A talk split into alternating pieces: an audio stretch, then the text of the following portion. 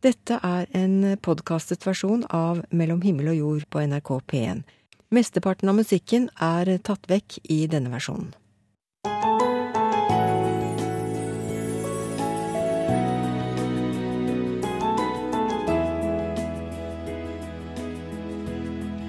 Jeg føler jeg, jeg har fått uh, utviklet en mye, mye større ydmykhet. Og at det også har med ydmykhet for skaperverket. Dagfrid dreper ikke lenger brunsnegler eller annet kryp, men legger fram mat til dem isteden. Hvis det er litt vissent blad, eller, så legger de på ett spesielt sted. Og sier vær så god, forsyn dere. Stort sett oppfører de seg som hun og samboer Bent vil. De mener at det går an å kommunisere med alt liv både planter og dyr. En umulig tanke for mange av oss andre, kanskje? Umulig er det vel også å tenke seg at det går an å føle indre ro hvis man blir utsatt for et terrorangrep. Akkurat det skjedde med Roger og Henning, som var til stede i kjøpesenteret i Nairobi da det ble angrepet forrige helg. Du får snart høre nærmere om hvordan en opplevelse av Guds nærvær hjalp dem mens de gjemte seg på et toalett under terrorangrepet. Mellom himmel og jord med Miriam Wiklund. Whitney Houston sang låta Exhale Shoop Shoop, som handler om å trekke et lettelsens sukk når man endelig har funnet det man søker. Leter du etter trygghet, så vend deg innover mot din sjel, da har du allerede kommet halvveis til målet, heter det i teksten. Snart skal du forresten møte en mann som har funnet trygghet i sitt nye yrke som prest selv om han snublet første gang han sto på prekestolen. Gud bevare din utgang og din inngang fra nå og til evig Nei, nå roter jeg fælt her. Sven A. Nilsen har gått fra å være hardtslående politiker til from prest. Du treffer ham om noen minutter.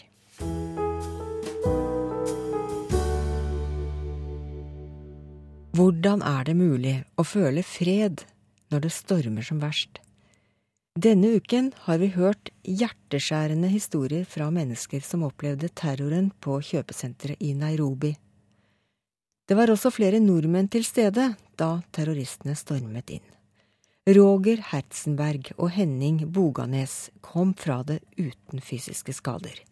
På telefon fra Nairobi forteller Roger Herzenberg at midt i alt kaoset opplevde han og kameraten en overraskende ro både Henning Boganes og meg som er her, vi følte en, eh, en helt overnaturlig ro i, i, en sånn situasjon. Og, og ja, vi hadde en, en, nærhet, følte en nærhet av Gud og en, en trygghet som liksom som ikke er, som overgår litt forstanden. da. Kaféturen ble brått avbrutt for de to nordmennene da Westgate kjøpesenter i Nairobi ble storma av terrorister forrige helg. Henning Boganes og Roger Herzenberg satt og drakk kaffe da de hørte at det small i etasjen under. De skjønte raskt at dette var alvor. Roger og Henning kom seg i sikkerhet på et av toalettene i kjøpesenteret. Der ble de værende med 20 andre personer i seks timer. Utenfor hørte de maskingevær. Likevel følte de en ro. Men med en gang vi da kom inn der, så, så følte jeg at uh, det var et, et, Guds nærvær på en måte. Hva mener du med det?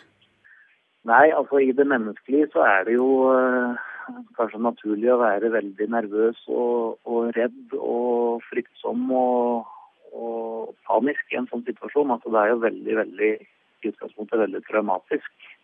Og det var jo flere av de som, som var rundt oss, som, som, uh, som tok det veldig, veldig tungt. Um, så det var mange, mange, som var litt oppløst og litt uh, ute av seg, selvfølgelig. Så, så, sånn sett så tror jeg kanskje det var, det var fint for, for, hele stemningen der at, uh, at Henning og, og, jeg var der og kunne, kunne, spre litt optimisme og litt ro og litt, uh, litt trygghet i den grad det, det, var mulig å få til å over på noen andre.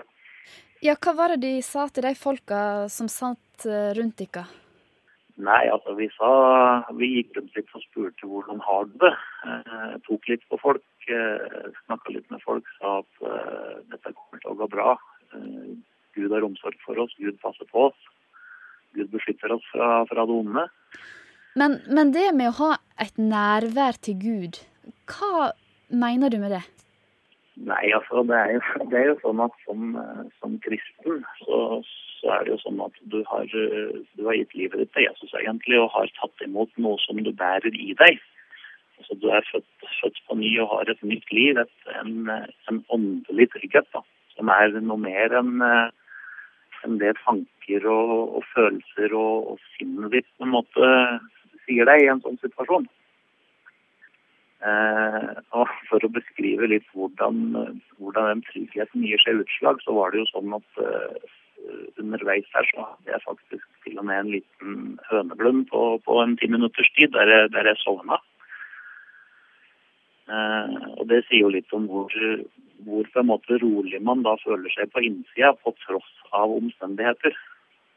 Og Det er jo en, en overnaturlig ting som man ikke kan eh, prestere i seg sjøl, tenker jeg. Det er noe som man, man får utenfor seg sjøl. Eller noe som er lagt ned i hjertet ditt, som, er, som ikke du, du presterer sjøl, men som er en gave. På samme måte som, som tro er en gave, og frelsen er en gave. Altså Det er Guds nåde som som du føler veldig sterkt. Det sa Roger Herzenberg til reporter Camilla Kjønn Tingvoll. Både han og kameraten ble reddet ut fra kjøpesenteret etter seks timer, og er nå tilbake i Norge. Det hender at noen i godt voksen alder bestemmer seg for et nytt yrke. Et slikt menneske skal vi møte nå. Det fortoner seg i mitt hode, ordfører, som et kommunestyre som er opptatt av regelverk og flisespikkeri, og som ikke evner å snakke om hvordan vi skal utvikle denne byen til beste for folk. Dette er Sven A. Nilsen. Han har lenge vært en omstridt eh, politiker i Tromsø, men nå, nå blir han prest. Han har vært eh, politisk redaktør i Nord-Norges eh, største avis, og bl.a. politisk leder for helse- og omsorgskomiteen i Tromsø. Men fra nå av skal stemmen hans høres i et annet rom. Da hørte jeg Herrens røst, og han sa, Hvem skal jeg sende, og hvem vil gå for oss? Jeg sa, Jeg, send meg. Slik lyder Herrens ord. Jeg tror Gud har godt humør. Ja, det må han jo ha. Han skapte jo den fantastiske eh, verden. Og, og, jeg mener, hvis han i dag ser ned på fjellene i Tromsø og, og, og på byen her, så må han jo bli i godt humør. Og nok en gang konstatere at eh, skaperverket er såre godt. Min eh, er sterkest i tvil. Fordi tro er jo i sin natur det å vite helt sikkert noe du overhodet ikke kan ha kunnskap om. Så Guds eksistens er jo noe du må stole på, men som du ikke kan vite om. Det er jo også troens mysterium. At det faktisk går an å tro på noe du ikke vet noe helt sikkert om. Um, og da, da, tenker jeg at da, da er det litt barnslig, altså. Da er det litt naivt. Um, men, og det må være sånn. Og jeg tenker også Det er derfor Jesus sier at uten at dere blir som barn, så kommer dere ikke inn i Guds rike. For han skjønner det her. At dette her er ikke noe man kan drive og plage voksne, kompliserte tanker med. Og så skal Sven A. Nilsen være vikarprest og forrette i sin første gudstjeneste. Og da hører det også med dåp.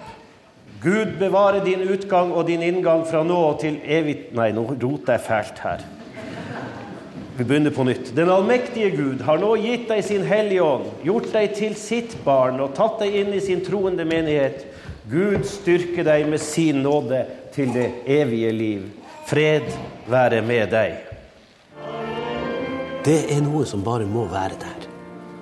Og det må du bare stole på. Akkurat sånn som et barn stoler på foreldrene sine. Men så er det klart at tvilen tar jo med òg.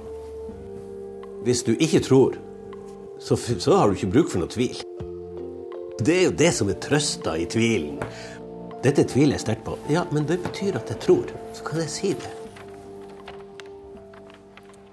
Og da fins det altså knapt noe budskap som er lysere og lettere enn det.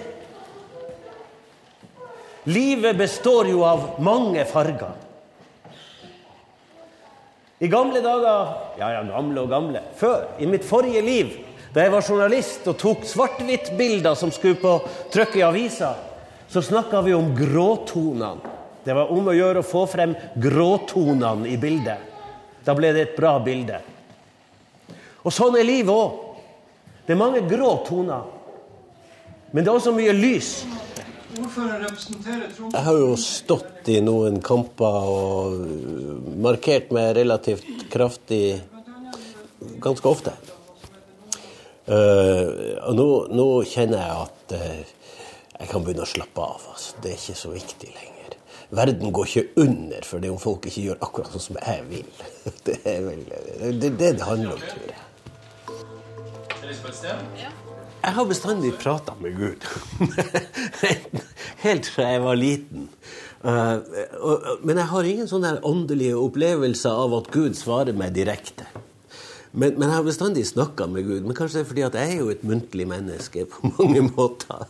Og, og jeg har snakka med Gud uh, både ved å synge og ved å snakke. Men jeg hadde ei mormor. Hun, brukte, hun bodde i Trondheim. Det var langt til mormor. Uh, I hvert fall på 60-tallet. Da tok det tre og et halvt døgn med Hurtigruta. Uh, og mormor hun sendte meg små, uh, små konvolutter. Og inni så lå det aldeles ulovlig, for det var ikke lov å sende penger med posten. Det lå det en femkrone, altså et papirlapp, blå femkrone, bretta inn i et kort, så det ikke skulle kunne gjennomlyses. Og hun skrev en gang at hun hadde sett to engler som passa på meg. Og det gjorde, selv da jeg var liten, et sterkt inntrykk på meg. Um, og det er liksom også Guds nærvær i mitt liv. Det er det kortet fra mormor som har fulgt meg hele livet, nesten. Ja. Første gangen jeg hørte det, så syntes jeg det var en, et pussig yrkesvalg. Men på den andre sida så tenker jeg at uh, Den norske kirke trenger jo virkelig trenger virkelig fornying, og det tror jeg at uh, Sønnak kan være en, uh, en, god representant for. Vi har møtt Sven A. Nilsen, som har gått fra å være politisk redaktør og politiker til å bli prest. Hvis du vil høre mer om denne mannen, kan du slå på TV-en i kveld på NRK1 klokka 18. Da møter du ham i programmet Underveis. Denne radioversjonen den var laget av Ove Gundersen. Du hører på Mellom himmel og jord i NRK P1.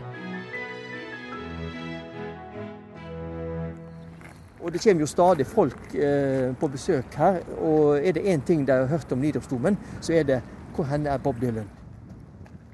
Ja, hva gjør Bob Dylan på toppen av Nidarosdomen? Det skal du få svar på ganske snart.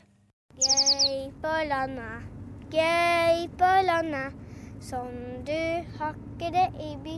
Erik Leander er på vei til Besto. For Dagfrid er bestemor god som noen, selv om han har to andre bestemødre også.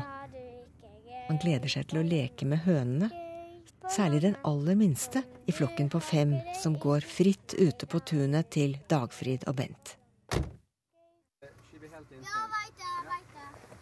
De andre fyker opp trappetrinnene som er spadd ut av grunnen og dekket med hvert sitt avskjær av trestammer. Jeg kommer i sakte fart etter med koffert på slep. Og der kommer Erik Leander løpende med en liten bylt i armene. Hva den het for noe? Filiokus. En liten spraglete høne som heter Filiokus. Filiokus, kan du snakke? Jeg kan få henne til å gjøre det. Kan du gjøre det? Nå da, nå da, nå da. Nå da, nå da, nå da, nå da. Nei. Nei. Høna er stum som en østers. Den er kanskje mer opptatt av å høre etter hva de andre sier til den. For Dagfrid Kolås og samboer Bent Madsen mener det går an å kommunisere med både dyr og planter. Det fins en åndelig dimensjon i alt liv, har de sagt. Og hønene de spiller en spesiell rolle for stemningen på plassen. Da er det kanskje ikke så viktig at ikke de verper engang. to, to av de verper. Men apropos åndelighet, da. Um, for vi har jo begge to lært oss enda mer med å kommunisere med dyr. Så det de har sagt til oss, at de er med på et energiarbeid. For i denne tiden på jorden så er det ganske tøfte tider for, for veldig mange mennesker. Og, og, de må virkelig møte seg sjøl i døren hvis de er villige til å, å, begynne å ta ansvar for eget liv. Sånn at det de har fortalt oss, det er at de er med på å hjelpe oss til å, å stå i alle disse følelsene som kommer til overflaten. Og vi har falt mye mer til ro i oss sjøl. Du snakker altså om dyrene, at de sier noe til dere konkret. Et innhold. Mm. Det høres jo sprøtt ut, og du vet det. vet du hva, jeg, jeg, tror kanskje ikke det etter hvert. Jeg tror flere og flere blir mer og mer åpen for det. Åpen for at både planter og dyr snakker fra sjelen. Så, så, men det krever trening. Absolutt. Betyr det at du går og snakker med hønene dine òg? Ja, og akkurat nå har jeg en veldig stor prat med dem, for at ennå er det litt rangordning igjen i flokken. Hun mener altså at rangordningen i hønseflokken kan avskaffes ved å snakke med hønene.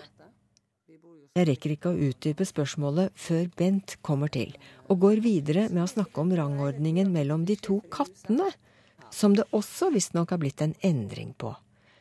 Jeg vil vite hvordan en slik alvorsprat med katter foregår. Intensjon og følelser og oppmerksomhet.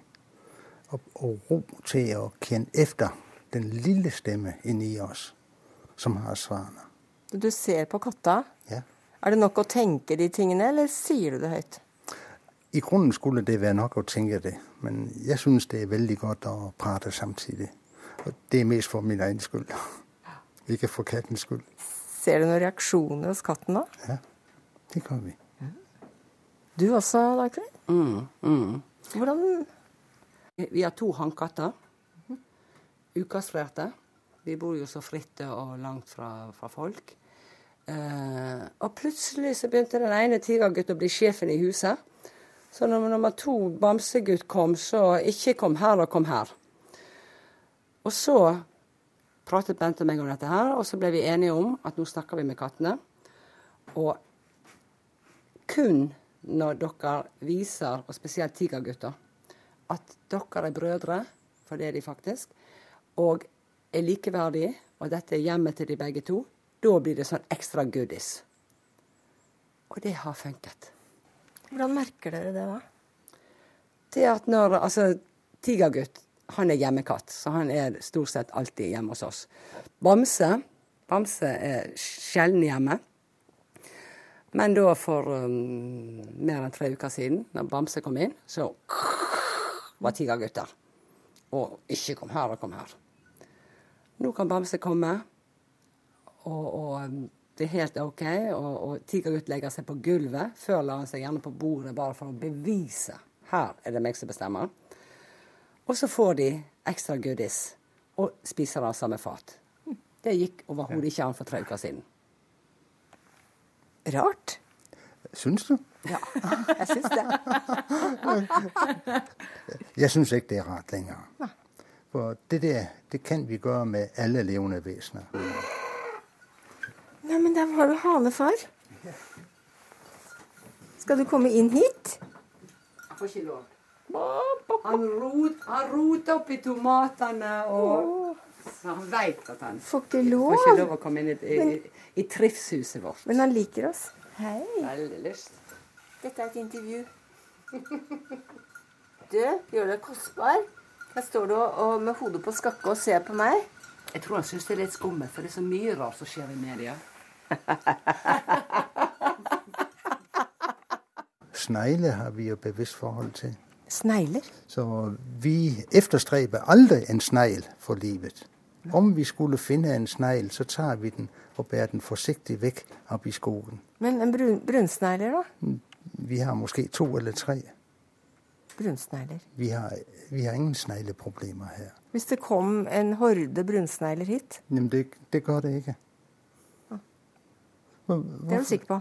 Det er jeg sikker på. Ja. Øh, jeg ser at alt i naturen kjemper for å overleve.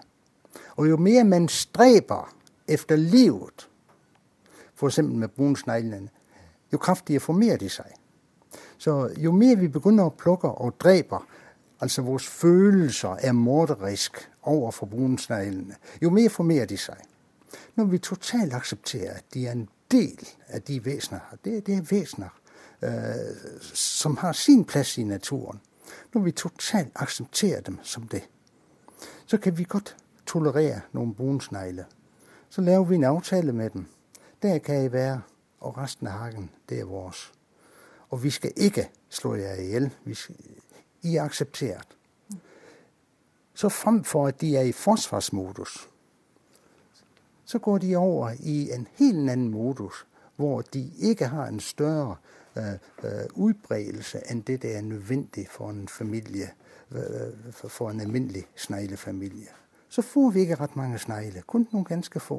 Og vi har rikelig i årgården til å dele med de få snegler det er. Altså Det som jeg gjør når jeg er i de forskjellige åkrene, det er at, at hvis jeg er litt vissent blad, eller, så legger jeg det på ett spesielt sted. Og sier vær så god, forsyn dere. Og dette kan og kunne jo urbefolkningen. Altså, de hadde å dele. De kjempet ikke på den måten. Um, og det jeg gjorde i fjor, det var at, at hvis de ikke respekterte å spise der jeg serverte, så bar de i skogen. Jeg blir stående og undre meg. Vi har jo alle hørt om brunsnegleinvasjon. Kan den stanses ved at vi tilrettelegger for at de er her, istedenfor at vi dreper dem? Ville de lagt færre egg da? Kanskje en idé for et forskningsprosjekt? Men det handler ikke bare om å legge fram mat til snegler, men også om kommunikasjon, ifølge Dagfrid og Bent. Det er da jeg tenker at det går an å se en katt inn i øynene og fornemme en kontakt. Men prøv å få blikkontakt med en snegle, da. Men Dagfrid og Bent er altså overbevist om at det går an å få kontakt med alt levende, og at denne typen kommunikasjon handler om en spesiell form for lydhørhet og intuisjon. For dem er dette en bevissthet som vokser seg sterkere for hver dag som går. Hva har det gjort med dem? Jeg føler jeg, jeg har fått uh, utviklet en mye, mye større ydmykhet.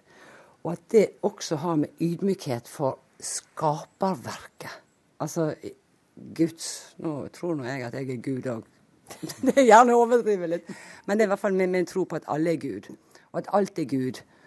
Og ikke en spurv faller til jorden uten at det er en mening med det. Er det sånn du også tenker, Bent? Uh, ja. Uh, stort sett. Stort sett. Og jeg er fullstendig enig med Dagfrid at alt er en del av skaperverket. Og nå er vi skrubbsultne. Erik Leander også, etter å ha lekt og snakket med høna si. Amen. Jeg visste at det var Emil. Ja, det visste du. Da sier vi farvel til Bent Madsen og Dagfrid Kolås på Ostereidet utenfor Bergen. For øvrig har de nylig holdt kurs på gården i kunsten å kommunisere med planter og dyr. Det var fullt hus med elleve deltakere som ville lære. Nå til den mektige Nidarosdomen som strekker seg langt over bakken i hjertet av Trondheim. Imponerende skulpturer pryder katedralen både inni og utenpå. Men det er kanskje bronseengelen på toppen av Nidarosdomen som er det største trekkplasteret for mange som kommer på besøk. Engelen St. Michael bærer nemlig fjeset til en kjent amerikansk musiker. Bob Dylan. Lay, lay, lay. Lay across my big brass bed. Denne historien er vel faktisk den historien om Nidarosdomen som er blitt mest kjent. For den gikk altså jorda rundt på alle mulige slags eh, telegrafbyråer og dukka opp som en sånn eh, artig sak i aviser eh, på alle kontinenter. Og det kommer jo stadig folk eh, på besøk her. Og er det én ting de har hørt om Nidarosdomen, så er det hvor henne er Bob Dylan? Så Bob Dylan er den mest kjente skik skikkelsen i denne store katedralen? Ja, internasjonalt så er det ingen tvil om at eh, Sankt Mikael, alias Bob Dylan, er, er vår største kjendis. Men han er ikke så enkel å få øye på. Engelen den står nemlig på toppen av Nidarosdommen og skuer utover Trondheim. Det kan Øystein Ekerhold, forsker ved Nidaros domkirkes restaureringsarbeid, fortelle. Ja, Da må du knekke nakken så langt bakover du klarer. Vi, vi begynner på hjørnet lengst mot nord og følger det oppover. Og På den øverste spissen så står det en, en figur, og det er en bronsestatue. Den eneste bronsestatuen på Nidarosdomen. Og det ser Du du ser vingene, så det er en engel. Og han holder et spyd i handa. Og under føttene ligger det en drake. Og det er et symbol på djevelen, for dette er selveste erkeengelen Mikael, eller Sankt Mikael, som også i folkevisene blir kalt Mikael drakedreper. Men hvordan i alle dager har fjeset til Bob Dylan havna på toppen av Nidarosdomen? Det du nå skal få høre, det var lenge hemmelig. Vi må tilbake igjen til 1960-tallet, da kunstneren Kristoffer Leirdal fikk i oppdrag å gi Sankt Mikael et nytt ansikt. Kristoffer Leirdal han var en veldig hyggelig mann. Han var veldig opptatt av mange viktige saker. Både antikrigssak, han var jo ung under andre verdenskrig, hadde opplevd det. Han var mot opprusting, han var mot atomvåpen. Um, og da han drev og modellerte denne, denne, figuren her, så blir det sagt at det, på atelieret sitt at det, han hørte musikk, hadde spilte plater. Og på den tid så var altså Bob Dylan veldig populær. Og han var jo nettopp mot Vietnamkrigen, mot atomopprusting og sånn. Og så ble da, så ble det da sagt eh, da jeg begynte her, og liksom internt at det, Vet du den Sankt Mikael, vet du hvem det forestiller? Du må ikke si det til noen, men det er, det er Bob Dylan. Og og eh, så Men Kristoffer likte ikke at noen spurte om det der, så det ble aldri noe sånn skikkelig svar på dette. Men så kom Bob Dylan til Trondheim og holdt konsert på torget, jeg tror det var i 2000 eller 2001. Og Da var det en journalist som tok kontakt med Kristoffer og hadde hørt dette her. Og da sa han jo, det stemmer, det er Bob Dylan. Han, det var Kristoffers eh, vesle bidrag til eh, kampen mot atomvåpen, mot krig og for freden det var å gi ansiktet til den fremste, mest kjente kunstneren som sto på samme linje. Gi, han, gi ansiktet til Bob Dylan til erkeengelen Michael. Veit vi hva Bob Dylan syns om dette sjøl? Nei, det vet vi faktisk ikke. Og eh, det var jo noen som helt litt utkikk og lurte på om han kanskje tok seg en tur oppover. Men eh, det var ingen som hadde sett Bob Dylan på Vestfoldplassen.